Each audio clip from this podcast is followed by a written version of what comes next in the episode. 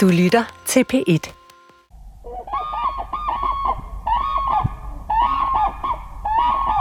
Du lytter til Vildt Naturligt på P1. Din værter er, som altid, Verdens mest fantastiske Vicky Knudsen. og verdens næst mest fantastiske Johan Olsen.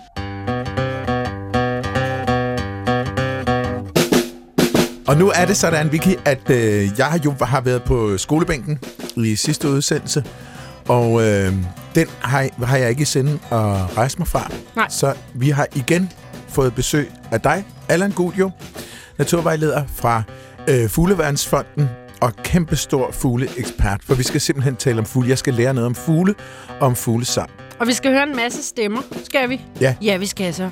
Og vi, øh, inden dette program har vi jo lavet en etter, Ja. Hvor at vi kom ind på mange forskellige fugle og deres evner og deres, Mhm. mm-hmm. hvordan de synger og hvordan de kalder. Og, altså mange spændende ting. Har man ikke hørt det program, så er det den onde fløjt med bare ind og høre det efter det her, for det vil man ikke gå glip af. Nej, særligt ikke der, hvor jeg så til sidst er til eksamen og fejler sortmejsen. Ja. Men det øh, kan jo være, det går bedre i dag. Ja, nu har du jo øvet dig siden sidst. Ja, det har så, ja. Men mange af de stemmer, der var med i det første program, var mange af dem, man kan høre, det er sådan lidt tidlige forår. Ellen fortalte os, hvorfor. Altså, at man hører så meget sang lige pludselig. Vi skal lige nå at have fire forårsfugle mere med. Den første er tranen. Og øh, det går jo amok os i øh, marts, at trænerne begynder at trække nordpå. Men man kan altså også bare, hvis der er et ynglepar, det går det er jo øh, trods alt en af de få arter, det rent faktisk går rigtig godt for her i Danmark. Der bliver flere og flere par. Så man altså også høre dem stå og trutte. Man behøver ikke tage til Hornborgersøen i, i Sverige eller Pulken for at se store... Jo, hvis man gerne vil se meget store traneflokke meget tæt på, så det gør man det. Men et enkelt par herhjemme kan også komme med den her fantastiske trompetlyd. Mm-hmm. Og hører man trompetlyden og tænker, er der, øh, det ved jeg ikke, et orkester på vej ned ad gaden?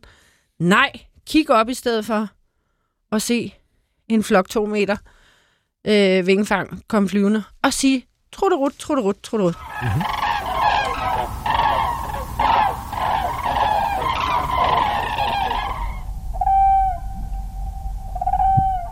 Det er jo en af de eksempler på, hvor der er fugle, der synger duet. Det, så, øh, det, det hører man jo tit, når de, de synger der.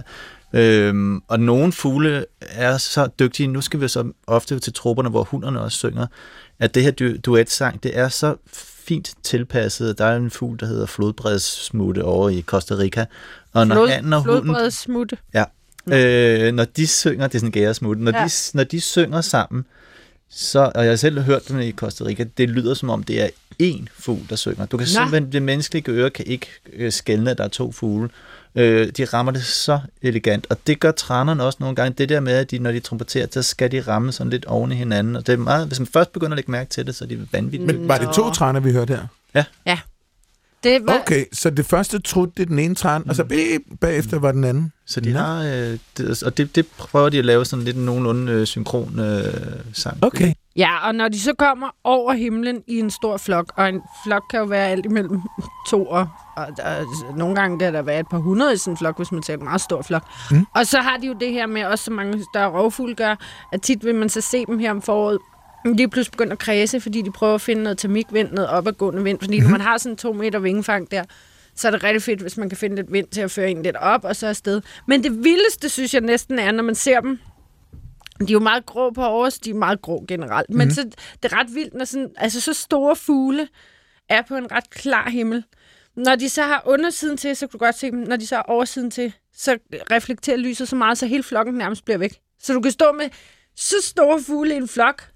Du kan høre dem, og så... Hvor blev de af? Hvor blev de? Åh, oh, der var de igen. Der er de, der er de. Ah, så Og hvor det blev de nu af? Hvor blev de, når de begynder at cirkle der? Harry ser Potter virkelig- kappe på. meget Harry Potter-kappe-agtigt. fedt. Nå, men det er i hvert fald en sand sjæler her om foråret. Men det er, altså også, de er også så smukke, når de Ja. flyver, synes jeg. Og når de danser. Hvis man ikke har set Det trandans, så skal Nej. man simpelthen på et eller andet tidspunkt. Og der behøves man jo heller ikke mere end et ynglepar, der lige står og skal imponere hinanden. Man behøver igen ikke flere øh, 100 eller 1000 individer.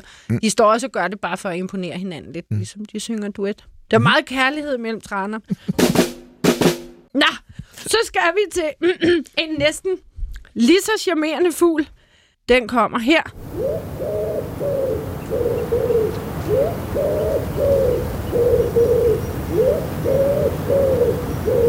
Det er jo den allesteds nærværende ringdue. Ringdue. Og den er jo meget nem. Men så har ringduen jo en fætter, kusine her i Danmark, som siger lidt anderledes. Og der kan jeg lige komme med en ny sang, så man lige lærer den. Så Ja. ringduen, det er meget duagtig. Du, du, du, du, du, du, du. Den lyder sådan lidt træt af livet. Det er den bestemt ikke. Ringdue er, er ukulige optimister. Men så er der tyrkerduen. Og den siger sådan her.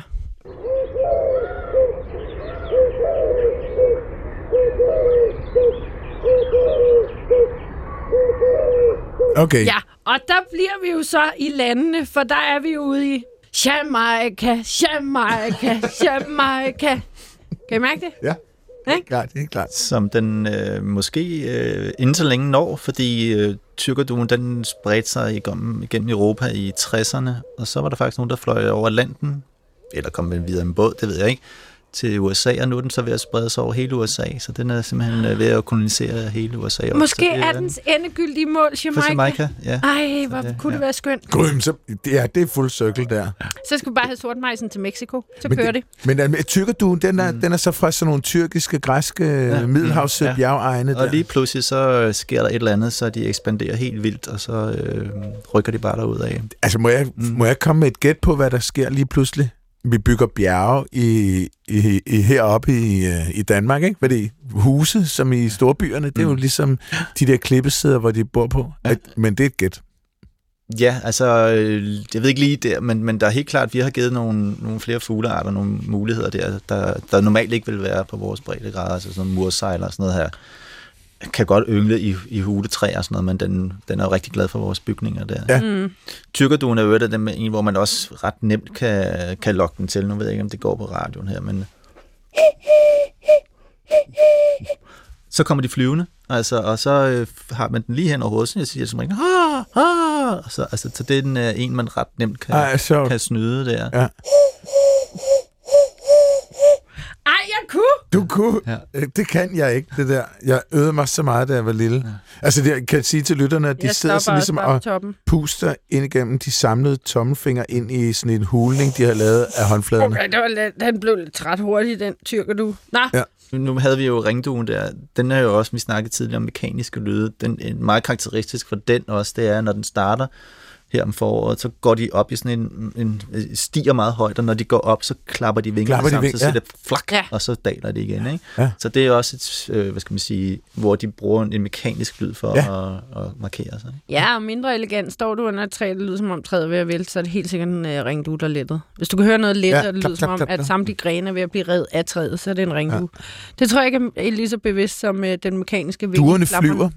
Duerne flyver. Fantastisk øh, Ben Fabricius Bjerre-nummer Nå ja, fra øh, filmen Jeg sgu min egen, sunget af Cæsar foran vinduet ind til fængslet, hvor Damis karakter skal mundres lidt op. Men øh, duerne flyver, der, øh, der siger han jo også, øh, at, at de klapper afsted. Mm. Det er det, man kender duer fra, når de pl- pludselig flyver op, så har du den der klap, klap, klap, klap, ja. vingelyd. det gør vipsevågen jo også. Mm. Men Nå. det er et andet program. Nu kommer der øh, den rustne trillebør. Tak.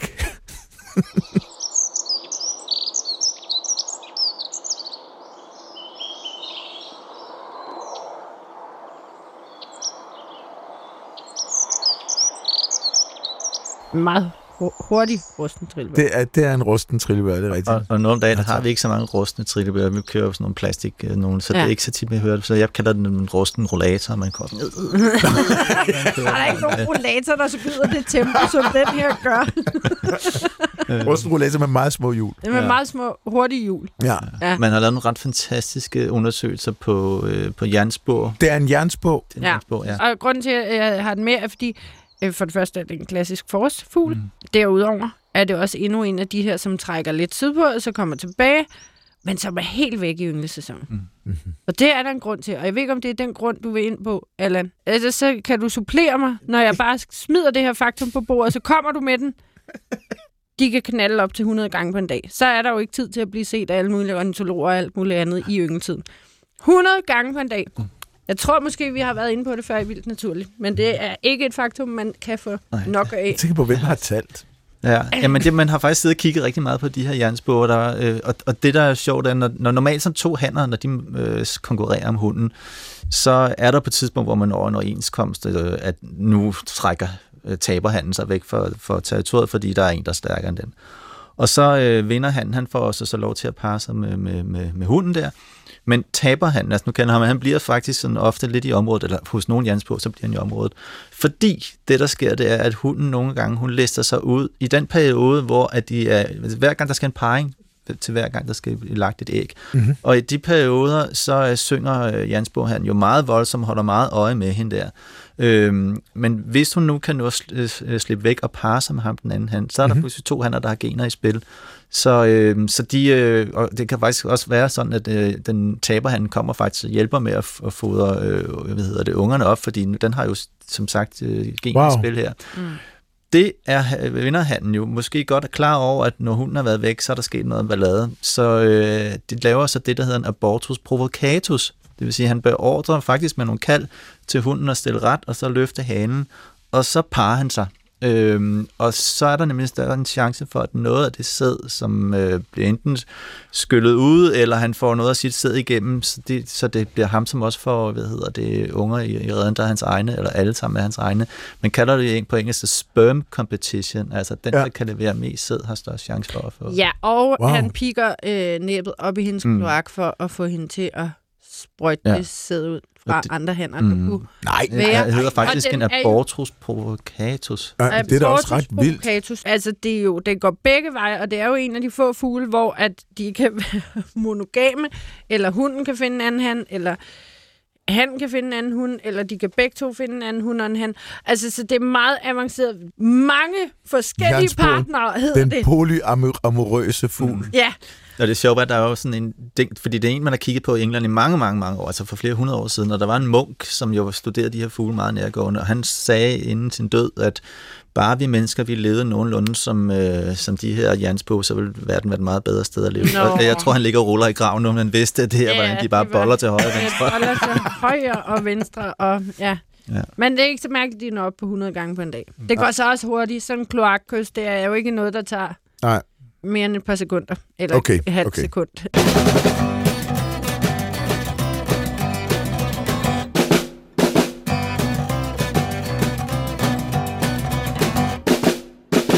Allan, i det første program fik vi slet ikke vendt, altså bare lige kort. Hvordan fattede du interesse i disse skønne, befjerede væsener? Altså fuglene? Ja. ja. øhm, jeg tror faktisk, som så mange andre fuglekigger, så er det, det startet med foderbrættet. Jeg kan huske, at hjemme i haven i Vandløse, der sad der lige pludselig en shakker på foderbrættet. Mm. Og den havde jeg ikke set før.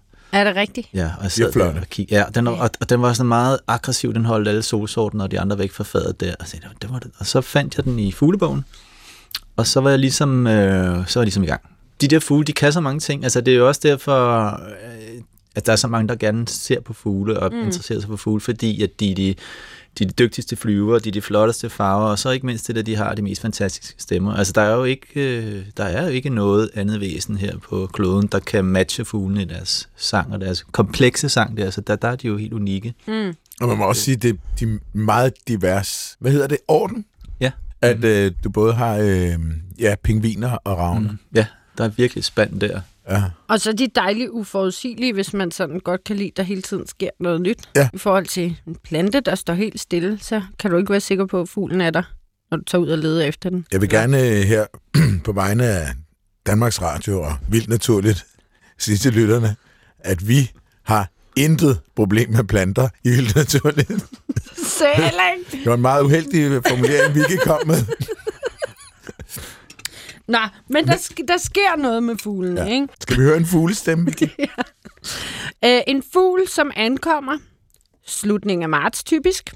Der kan være nogle få individer, der overvinder. Det er en fugl, der faktisk har ændret lidt uh, trækstrategi.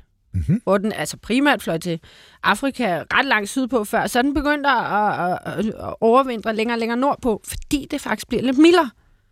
Det er grænsangeren. Grænsangeren.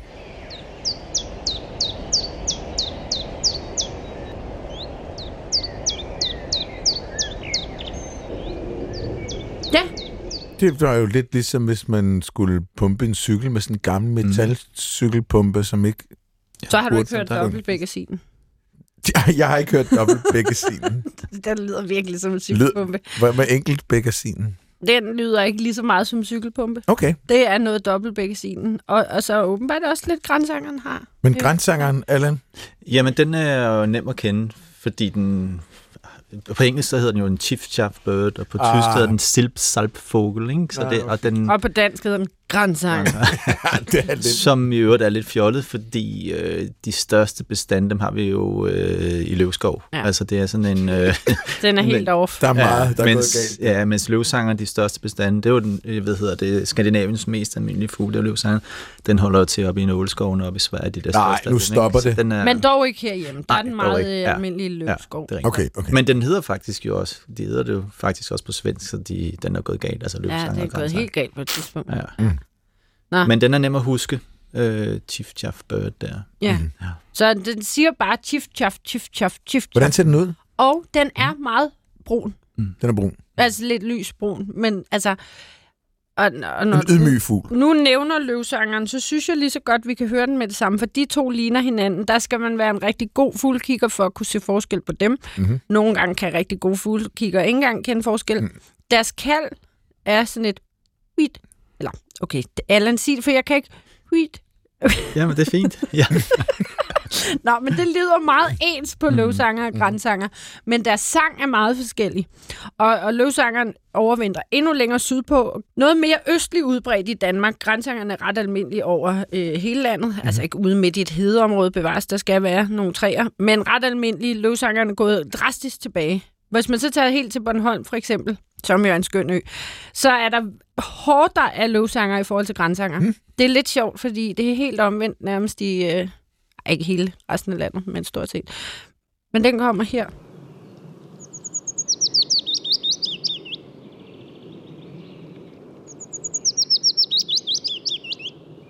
Det er Nå. så meget nuttet lyd, hva'? ja. Ja. Det var løvsangeren. Og den Ja. har en god ramse. Den siger, sætter søttersen eller mamma, for jeg går på bio i kveld.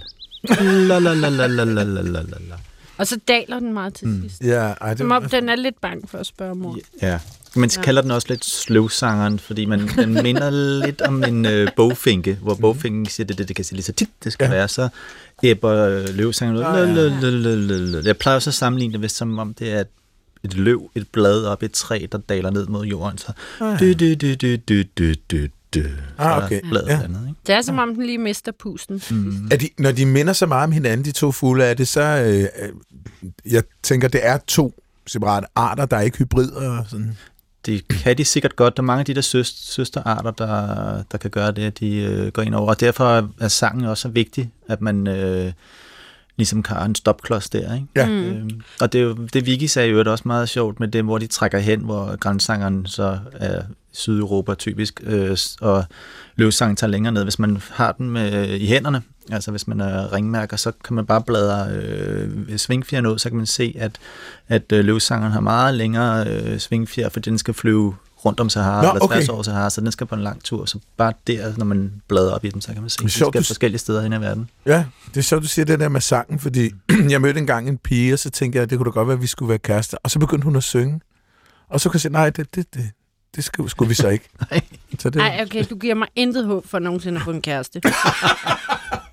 det er ikke sådan noget med at synge rent. Det, var, det er bare Og man stilen. simpelthen være nogle mænd, der ikke går op i, hvor dårligt man synger. Eller godt man synger. Men er det ikke rigtigt nok, Allan, det her med grænsanger og munk, som vi også skal høre lige om lidt, de er begyndt at overvintre længere og længere nordpå, fordi det simpelthen, altså, der kan man rent faktisk se lidt klimaforandringer i.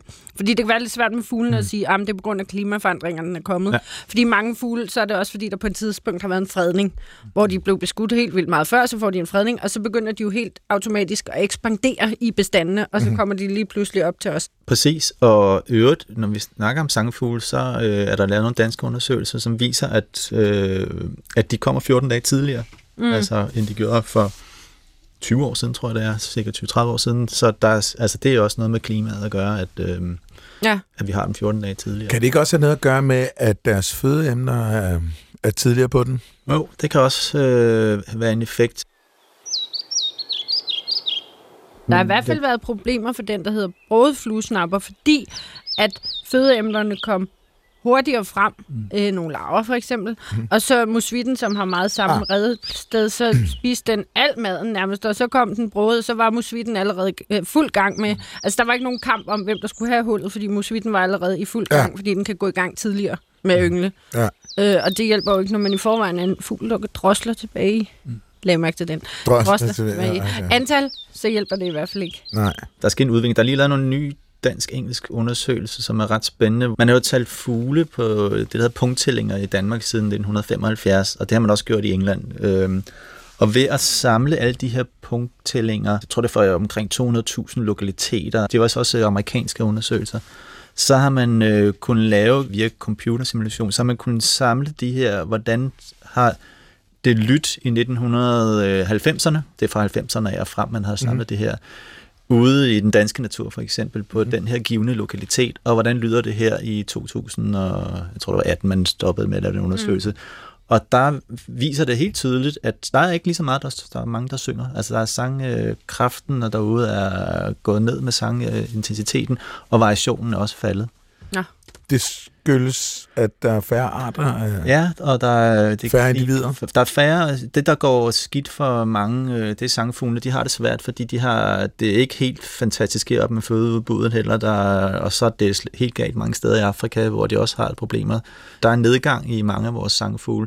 Man kan sige, at næsten alle, de fleste af vores sangfugle, de har det skidt, mens at fugle, der lever af øh, ukrudtsfrø og, og sådan noget, de, de, de klarer den, eller det der... Det går i hvert fald bedre for dem. Det går bedre for vegetarerne. Ja. Når det kommer til tidligere ankomst, så også kan man jo drage parallel til sommerfuglene. Mm-hmm. Altså, nu ser man allerede de første på vingerne i februar. Det mm. var ikke så almindeligt for sikkert 10-20 år siden. Der var der noget koldere i den periode, ikke? for de reagerer jo på temperaturerne. Mm-hmm. Det er ikke helt godt, selvom der er intet bedre er end en varm, tidlig martsdag når man synes, det har været en kold og klam vinter. Mm-hmm. Nå, men apropos punkttællinger, Allan, mm-hmm. så har vi en person, der siger, jeg vil gerne kortlægge den her rute, så er der måske 10 stops på vejen. Man Hvilken rute? Altså, øh... en, altså en rute, man selv vælger. Nu vil jeg gerne, det her er min punkttællingsrute. Jeg vil gerne registrere alle fuglene, der er i det her område, år mm-hmm. efter år, samme tidspunkt, mm-hmm. så vi netop får det her store forkromede billede til sidst. Videnskabeligt data. Og det er jo sangen, man, man går ud og lytter efter. Ja. Der. Okay. Og det er en vigtig, vigtig pointe. For så er det jo, at især mænd over 50... Åh, oh, pas på nu. mister evnen til at høre nogle af de højfrekvente lyde. Nå, men det er fordi, at vi filtrerer simpelthen bare det irrelevante fra. Aha. mm-hmm. Ja. Og så er det, der faktisk kommer en lille, lille bias på nogle af de her punkttællingsruter, for lige pludselig, en ting er jo, at fuglen rent faktisk forsvinder fordi det, altså, mm-hmm. deres habitater forsvinder, og det, det går ikke så godt, og klimaforandringer det hele. Men der er også nogle fugle, der forsvinder, simpelthen fordi, at punkttælleren bliver ældre, og har måske gået den samme rute 20 år, og lige pludselig ikke kan høre den her fugl. Jeg kan heller ikke høre den.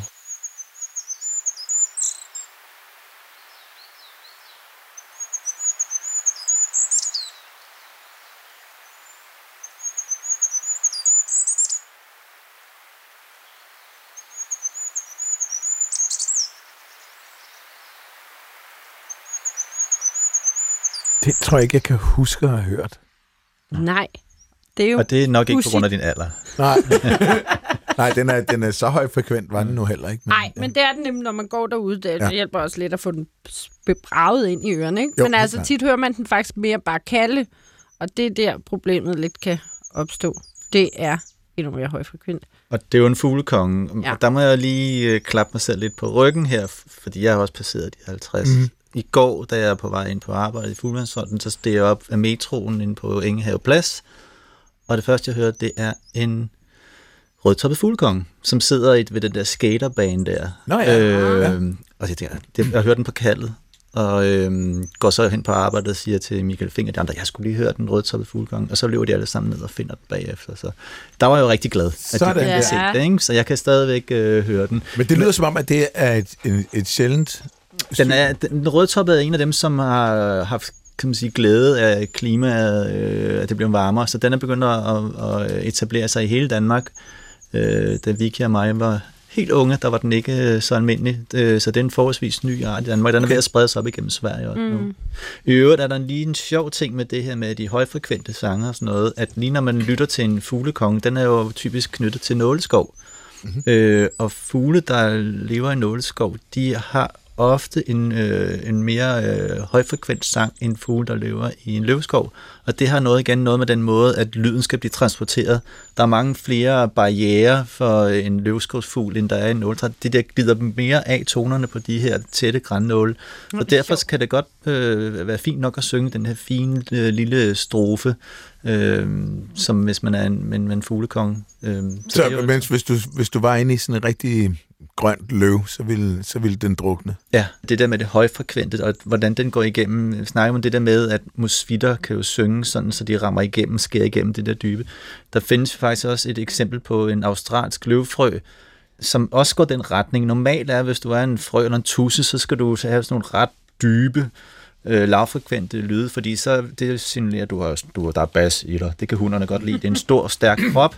øhm, men på grund af, at der er så meget larm i, i de områder, hvor den der øh, løvfrø øh, af, af trafikstøj og bylarm by, larm og så har den gået øh, 123 hertz op i lydniveauet, sådan så den kan skære sig igennem og så ramme øh, igennem lydbilledet. Wow. Øhm, så, så, så får den altså fat i nogle hunder på 25 meters længere afstand Ja, ja, ja, ja. Det var sjovt. hvad der så sker, så når de så hunderne så bliver lukket ind, og der så sidder nogen og brummer lidt længere, så ja, det er jo så svært at sige, hvad der, Ja. hvem der så får glæde af det. Ikke? Men det, det er lidt sjovt, at det også gælder for, for andre end fugle at skulle ud i det der Ja. niveau. Mm. Ja. Så. Og øh, hvis man undrer sig over, hvad du mener med musvitten, så må man jo lige høre første afdeling af fuglestemmelærerkursus. Vi lærer fuglestemmer i dag, og det er hyggeligt. Og nu kommer der en klassiker, Mm-hmm. som alle kender.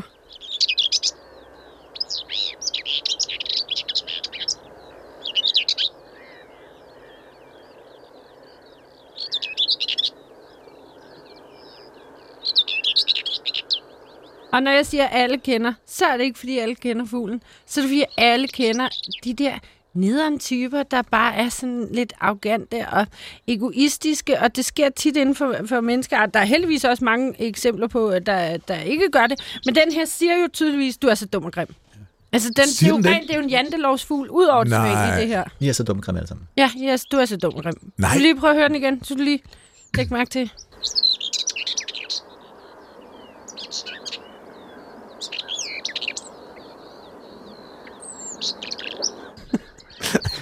Jeg synes, I er tagelige at lægge det i yeah. Du kan også- på den lille uskyldige fugl. Du kan også tage mere positiv vinkel. Jeg siger også, kys mig, kys mig. Kys mig, ja. kys mig. Ja. Så har vi det der kys igen. Kys mig, Men kys så skal nu. vi igen høre for, at det er ligesom i program 1, at det er fordi, at, at ornitologer ikke har noget socialt liv, så de ikke skal lægge noget kysseværk ind i fuglene. Eller Men- også må jeg også sige, at jeg, siger, jeg, jeg vil, jeg tør, jeg kan.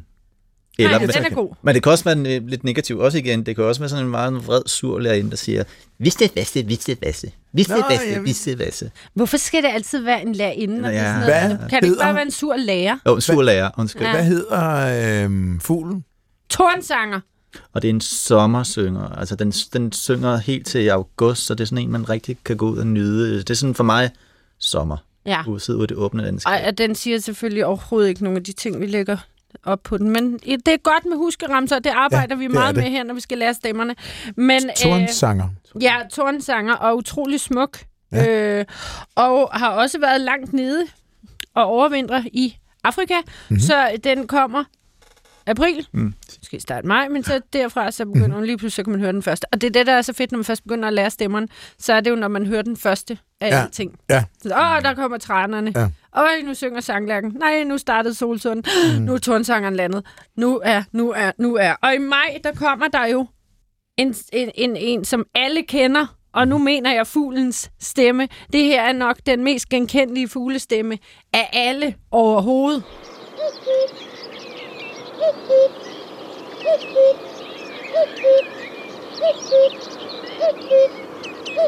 Hvad var det, Johan? Nej, men jeg tænker, at det måske er en gø. Ja, Der er noget sjovt med gøen og, og kald. Det er jo så øh, ungekaldet for en gø, fordi man har jo i mange, mange år undret sig over, hvordan delen at de her rørsanger, som jo kan være dem, som der, det går ud over, når en gø ligger jo et æg i en fremmed rede, og så er det de andre øh, klare ærterne og fodrer de her unge op, eller unge op. Og hurtigt indskudsætning, mm. i modsætning til grænsangeren, så lever rørsanger rent faktisk i rørskov.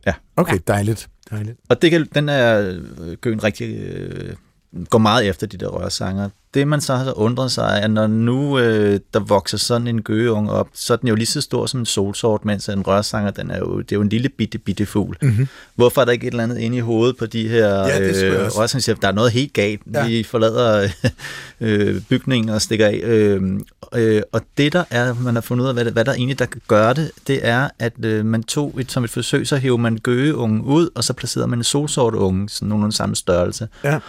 Og så når de her rørsanger kom tilbage med mad i næbet, så, øh, så kiggede de på den, det, det, det der vil vi ikke fodre. Og, øh, og den stakkels solsort, den var jo ved at dø, og så lagde de så den her gø tilbage igen. Mm-hmm. Og så tænkte hvad fanden kan vi gøre ved det? Der er et eller andet, der gør, der trigger det. Så tog de ind og lagde solsorten op igen, og så satte de en båndoptager ned under, som lavede tikkelyde, som den gø, altså gøgeungen laver. Og så begyndte de der forældre bare at proppe Nej, mad i munden på kæften på den der.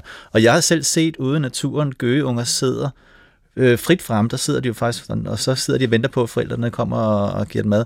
Så hvis der kommer en gæresmut, har jeg engang set, den, oh, den kunne simpelthen ikke lade være med at proppe mad ind i kæften Nej. på den der, og den har ikke haft noget med den at gøre før, men det, det, det rammer et eller andet op i hjernen på, at nu skal vi bare proppe mad i munden på den der Så fugl det, der. det er simpelthen kaldet. Det er kaldet, der smider det. Det var.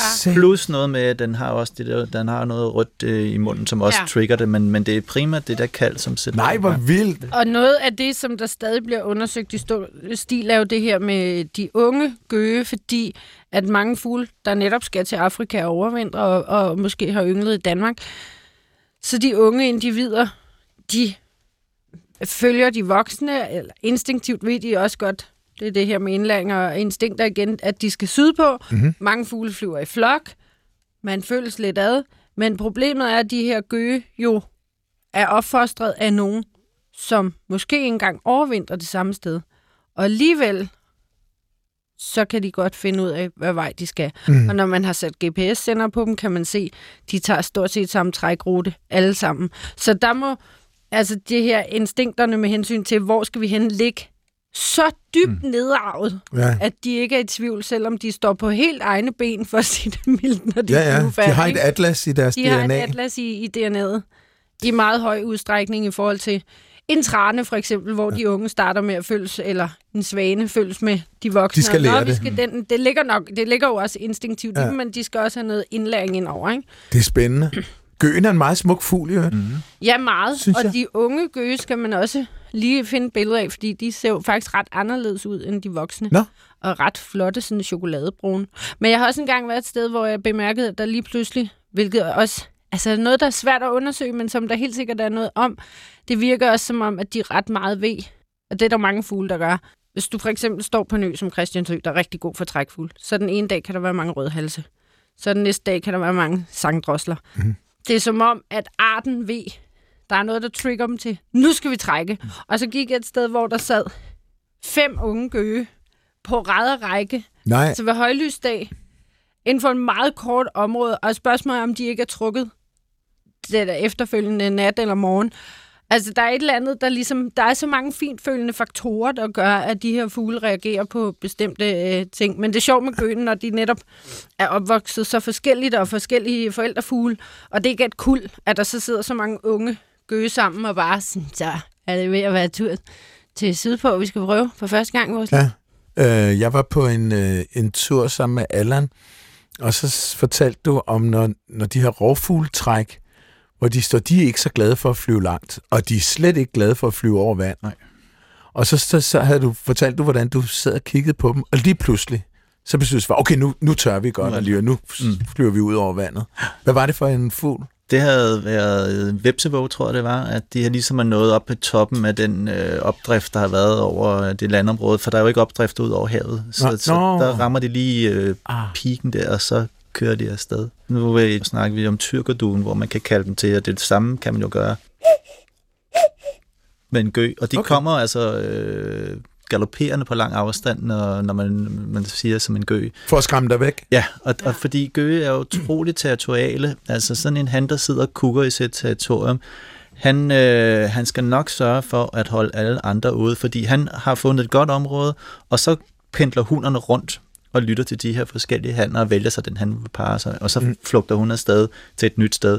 Øhm, så han skal forsvare det her område, og andre gøge har man lavet observationer, men når de kommer ind i, det, et, et, et, ind i et naboterritorium, så kukker de overhovedet ikke, fordi de ved, altså, Ja, ja. På, når de har først bare lavet til kuk, ja. så er der en anden en. Når de har lagt et æg i en fremmed rede, mm.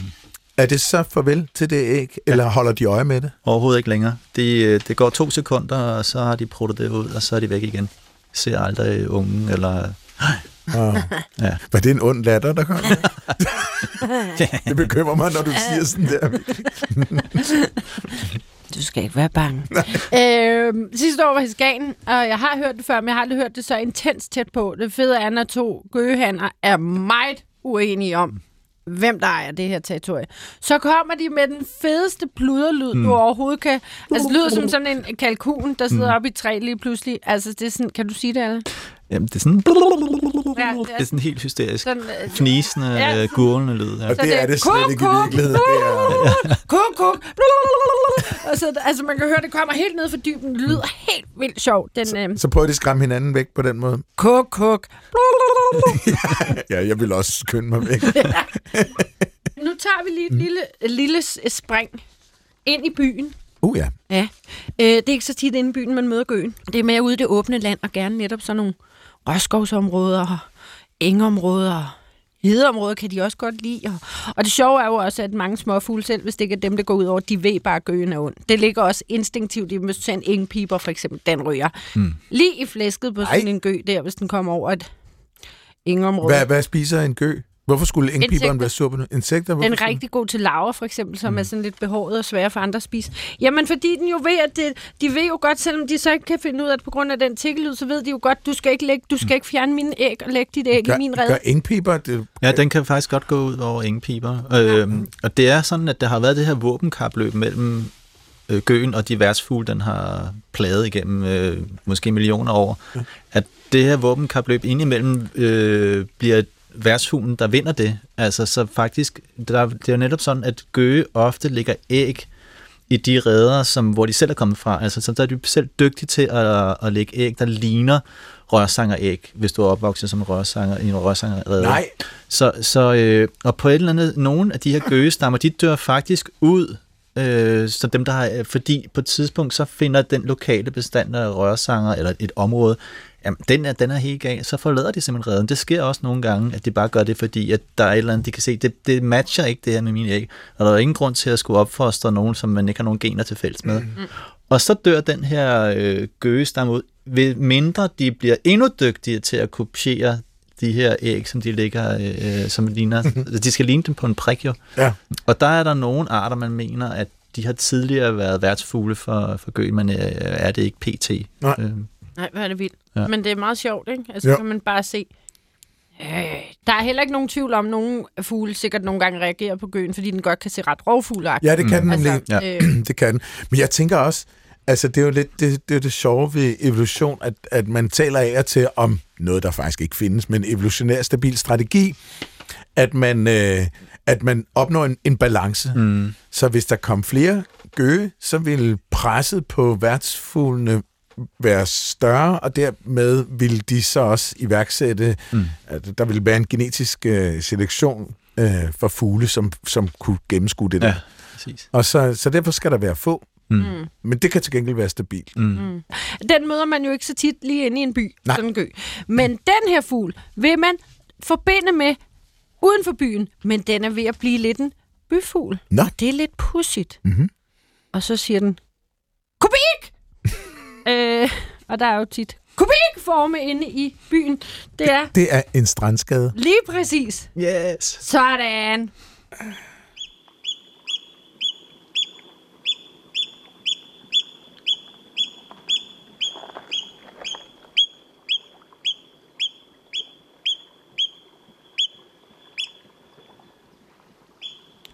Strandskaden er, er en af mine yndlingsfugle. Og den er jo utrolig Altså, øh, flot. Og da jeg var lille, så fandtes de kun i... Altså, jeg har jo en norsk familie, så når vi var i Norge, så var der strandskader. Mm. Men øh, i Danmark, der kan jeg ikke huske at have set strandskader som lille. Altså et af mine første minder med strandskade var der helt klart også i Norge, hvor mig og min veninde havde snedet os ud i en kano og kom Ja. ja. for tæt på en kant, hvor de ynglede. Så Ja. ja. finder man ud af strandskaden. Den våger, den under fløjt over sit territorium, sine æg og sine unger. Den er et bange for nogen. Ja. Ja. Men det fede ved dem jo er jo, udover at de siger kubik, og det er rimelig nemt at lære at kende. og fuglen er meget nem at lære at kende med sin sort-hvide farve og sit lange røde næb og sine røde ben. Hvor de kort til husskade, strandskade, langt, langt næb, lang hale på husskaden. Så skade betyder ikke gør skade. Nå, men Hvad betyder det så? langt. Langt, Langt og spidst. langt Langt. er bedst. Langt er bedst. Mm-hmm. Øh, men så er der rigtig mange strandskader, der er begyndt at rykke ind i byerne, især sådan nogle industrikvarterer og sådan noget, hvor der er flade tage. Så har de fundet et ah, helt nyt ja. habitat, hvor de Mhm. kan lægge deres rede. Så lige pludselig kan man altså høre vadefugle inde i byen. Syret.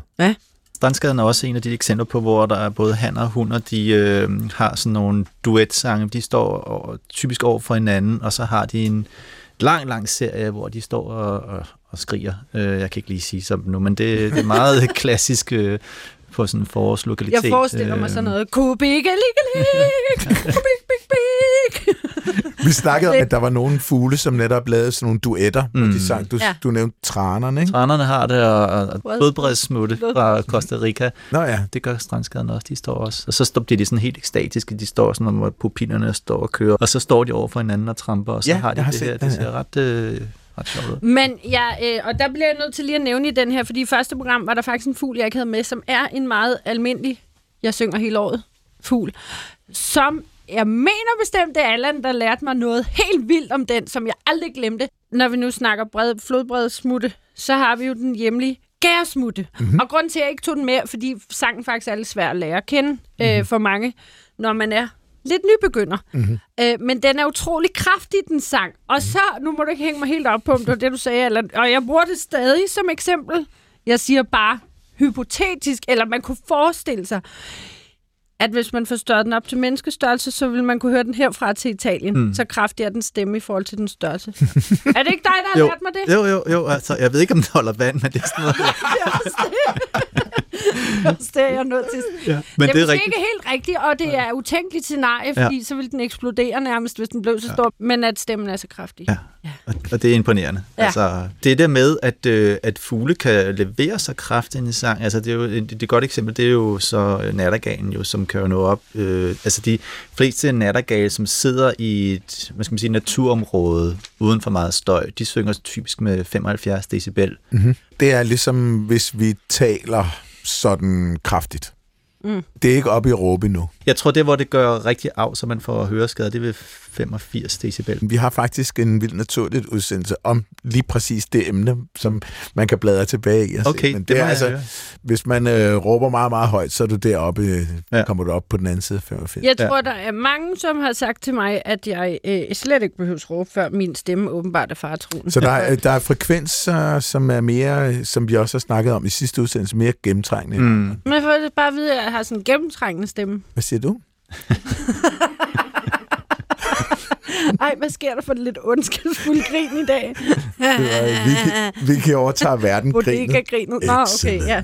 Men der er jo to veje jo, ikke? Altså det var den, vi snakker om, hvad jeg skal igennem med at lave en, en højere, hvad skal man sige, en lysere. Men man kan jo også bare prøve at, at råbe om kap, altså at, at styrke sang. Og det kan jo, når sådan en nattergal, den sidder et sted, hvor der er meget trafikstøj, så kan den jo gå fra 75 helt op til 95 decibel. 95, det er meget Det er voldsomt. virkelig voldsomt, ikke? Og også er noget med, at øh, lydtrykket, det stiger jo for hver 3, 3 decibel, tror jeg Ja, nok. det er en øh, eksponentiel skala. Ja, så, så, så at gå fra logaritmisk. 75 til 95, det, det er ret voldsomt. Ja, det er meget, Så, så, virkelig øh, meget. Øh, øh, men det er jo sådan med lyd. Du har to muligheder, hvis du skal kommunikere med lyd. Du har tre, mm. faktisk. Men de to af dem, det er amplitude og frekvens. Amplituden, som altså er, hvor kraftig den er. Mm. Og så frekvensen. Og så kan man selvfølgelig holde nogle pauser. Mm. Det var bare fordi, at jeg ville høre, om vi lige skulle høre nattergalen. Mm. Uh, ja, god idé. Læn jer tilbage. Forestil jer maj måned. Du står på Bornholm. Det er nat, og den er, den er helt gal. Der er helt stille, og så kommer det her.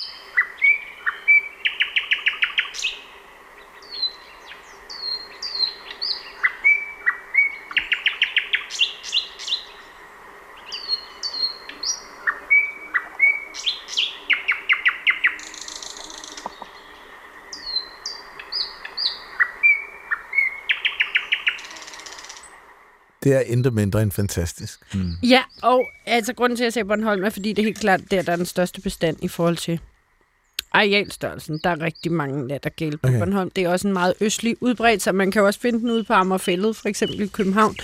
Mm. Men jo længere vestpå vi kommer, og jo mere øh, heder og det bliver og sandet, så selv i Østjylland er der ikke særlig mange øh, nattergale. Så det er en meget østlig udbredt art. Men det er jo en vidunderlig sang, og det er jo Høj, det er stemningsfuldt. Og det er også meget højt, når man netop står et sted, hvor der er meget stille, og der sidder nattergal. Det er helt vildt, hvor højt den synger.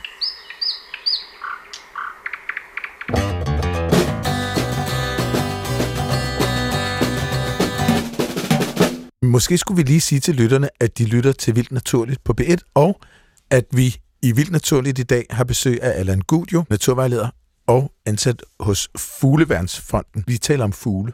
Så alt passer sammen. Så alt passer så fint. En fugl, som vi skal have med, som ikke er særlig mange, der hører, Mm-hmm. det er æderfugl.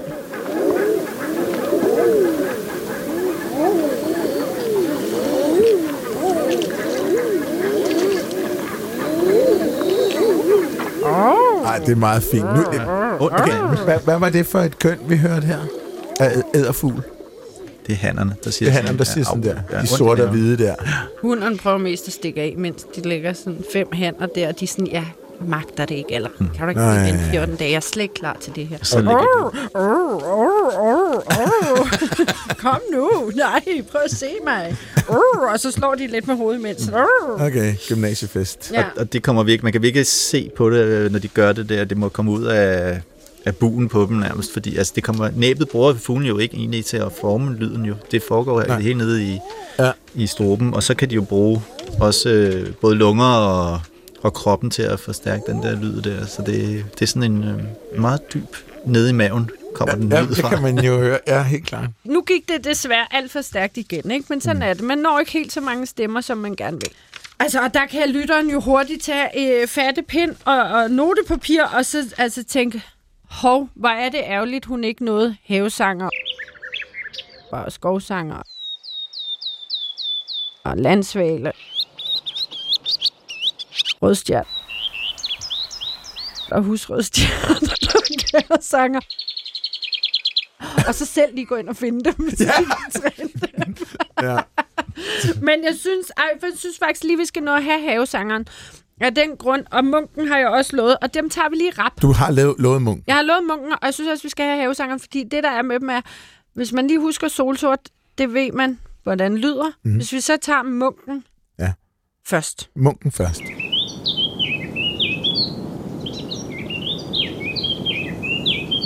Så er der mange, der synes, den lyder sådan lidt øh, solsort Ja, det synes jeg altså også lidt, den gør. Den har det går lidt samme- hurtigere, ikke? Ja, lidt hurtigere. Ja. Der er også mange, der synes, der er sådan lidt rislende bæk over den. Ja, helt sådan, klart. øh, et Ja. skønt rislende bæk. Ja. Og den er ekstremt svær Mhm. at lære. Jeg kan ikke engang sige ekstremt, så svær er den at lære. Ja. Så den er ekstremt svær at lære. Jeg har Men. Nå, Allan tricks. har et tricks. Ja, Ja. den, øh, den siger, nu er foråret kommet, snart er det forbi.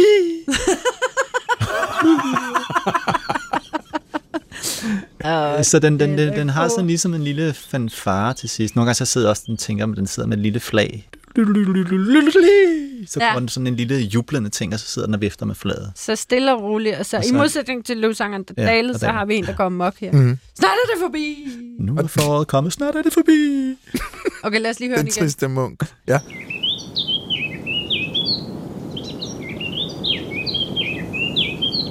Og så de her høje fløjt til sidst, Mm. de er meget karakteristiske for munk, for problemet er, at munk kan også snyde meget trænet fuglekigger, fordi ud over det her klassiske munk, så er det også en, der kan imitere og bygge andet på. Ah. Så det er en lille lurendrejerfugl. Ja. Ikke? Øh, men så er det, vi kommer til havesangeren. Mm-hmm. Og igen må jeg beklage, at jeg har fundet, jeg burde have haft en topmejs med, eller et eller andet, en fugl, der ligesom er primært udbredt vestpå, fordi havesangeren er også mest udbredt østpå. Kan dog findes i hele landet, stort set, og der skal man forestille sig en solsort på speed.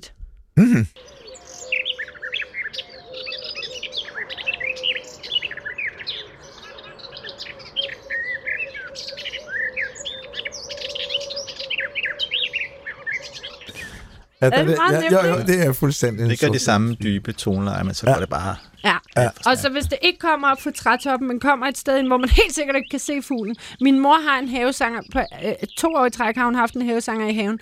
Jeg tror, jeg har set et glimt. Så mange træer er der heller. Der er en del træer. Vi er ikke ude i en skov eller tæt krat. Jeg har set et glimt af den to gange. Den er så god til at gemme sig, den fugl. Så er der en solsort på speed, der gemmer sig inde i et krat, så det en havesanger. Mm. Men mindre man bliver snydt af en munk. Men så er vi ligesom den. Og så synes jeg her til allersidst, så skal vi have en lidt sjov en. Mm-hmm. Og der når vi heller ikke dem alle sammen. Og sådan er livet nu engang. Mm. Hårdt og uretfærdigt en gang imellem. Men jeg havde taget en lille kategori med, der hed de skjulte fugle. Mm-hmm. og der kunne havesangeren jo have været med. Men der er dem, der er endnu mere skjulte. Mm-hmm. Og den kan dukke op i hele landet. Okay. Og det er altså først til sommer, at man skal ud i juni, måske i juli, og lytte efter den her. Lige pludselig så sidder den på en mark nær dig. Det er vagtel.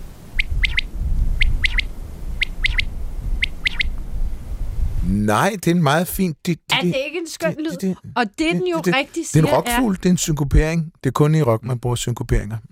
er... Okay, Ej, hørte jeg en sige engang, men det er ikke rigtigt. Men en synkoperfugl. den siger... Wet my lips, wet my lips, Wet- wet my lips, wet my lips. Okay. Og, det er, Ja. ja. og, og, og mange tænker måske, vakler, det er noget, man køber nede i supermarkedet eller deres æg. Men der er altså vildt levende vakler i Danmark. Jeg blev gift på min forældres øh, eng. Der sov vi i telt. Om morgenen vågner jeg ved et skrig. Det er mit eget, fordi jeg råber, vagtel! Og den gik rundt lige rundt uden for teltet. Jeg rundt og sagde, Nå. Blip, blip. Nej, Ej, hvor fint. Den sagde øh, tillykke. Nå. Tillykke, Allan. Så det var ret Nej, hvor fint. Ej, hvor hyggeligt. Jeg har engang fundet en i en kæmpe koger. Det var også en fest. Nå, Når der var et fest ude på landet, så gik jeg, så skulle jeg fra den ene nabo til den anden nabo med en drink i hånden. ja, så Så var der også. Så var der en vagt. Så måske er det meget uventet tidspunkt. Hvordan ser de er ud? Det, det går. Hvordan ser Det er en de ud? lille, bitte, øh, lille. lille bitte hønsefugl. En lille bøtte, bøtte, lille plump hønsefugl, der ser Nå, nu er det ud. hønsefugl? Og en lille bitte. Mhm. Og man ser den aldrig. Tidligere havde den man som sådan en lille kælefugl, øh, som man som havde burfugle. Min, mine forældre havde den også. Øh, og så lagde de jo æg, og så fik de også unger en gang imellem. Så jeg kan huske min øh, lille søster Helle, hun kom en gang meget glad hen til min mor og far. Se, og så kom hun sådan, havde sådan knudet livet ud af sådan en lille bitte vagtelunge. Den er jo ikke større end en nød. Jeg fik også nogle med hjem fra Jylland, faktisk. Jeg havde et par kælevagter ja. På et tidspunkt. Og så, øh, Allan, Mm. som øh, for at takke dig, er bødes for at have været med i dette program. For det har været en sand fornøjelse og meget lærerigt. Så vil det jo være passende, at vi får en fugl til at takke dig. Den kan man finde til mig. Det er jo en fugl, der som den eneste danske faktisk flyver til Indien, blandt andet for at overvinter. Det er altså langt væk at flyve til Indien, når man bor i Danmark. Ja, det Eller jeg i. Sverige. Ja. Og øh, no, mange af dem, der... Men det, den siger, er jo...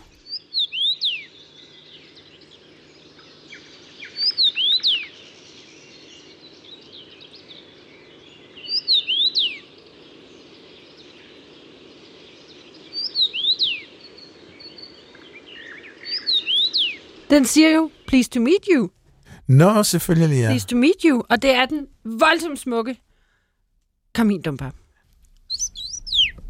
Okay. Ej, så kan du endda sige Nej, nej, nej, nej. Jeg kan lige fortælle lytterne, det var faktisk ikke... Det var. Allan. Det var Allan. Prøv, Det var prøv lige at gøre det igen. Ej, hvor er det skarpt lavet, det der. Fuck, Vi skal have et helt program på et tidspunkt, hvor vi bare for at teste Allan i at sige fuglelyd. Ja, Eller andre dyrelyd. andre dyrlyd. Jeg har jo nu også hørt ham sige andre dyrlyd. Kan du sige som en så- Nej, ikke lige så godt som dig, tror jeg. Hvis du kan sige som en gnu, og jeg kan lugte som en gnu, gud, så skal vi på Og klar, så gør vi det på 3, 2, 1. Okay. Gnu! tak for i dag. Tak, Allan. Jeg, ja. Det lød næsten som en flodhest. Ja. Nå, det var et andet program. Tak til Karsten for øh, storstilet tålmodighed. Carsten Nielsen. Ja, vores sande ven i nøden. Ja, og lytternes sande nød i vinden. Og tak til lytterne. Uden lytterne og Karsten ingen os. Præcis. Så bliv ved med det, I gør. Ja. Nemlig lyt vildt naturligt. Og tak til Allan Gudio. Og man kan også skrive til os, men jeg ved ikke, hvordan man gør. Så skriver man til vildt naturligt snablag.dr.dk. Nå, mail. Yes. Der er fugle, og det er forår. Ja. Uh!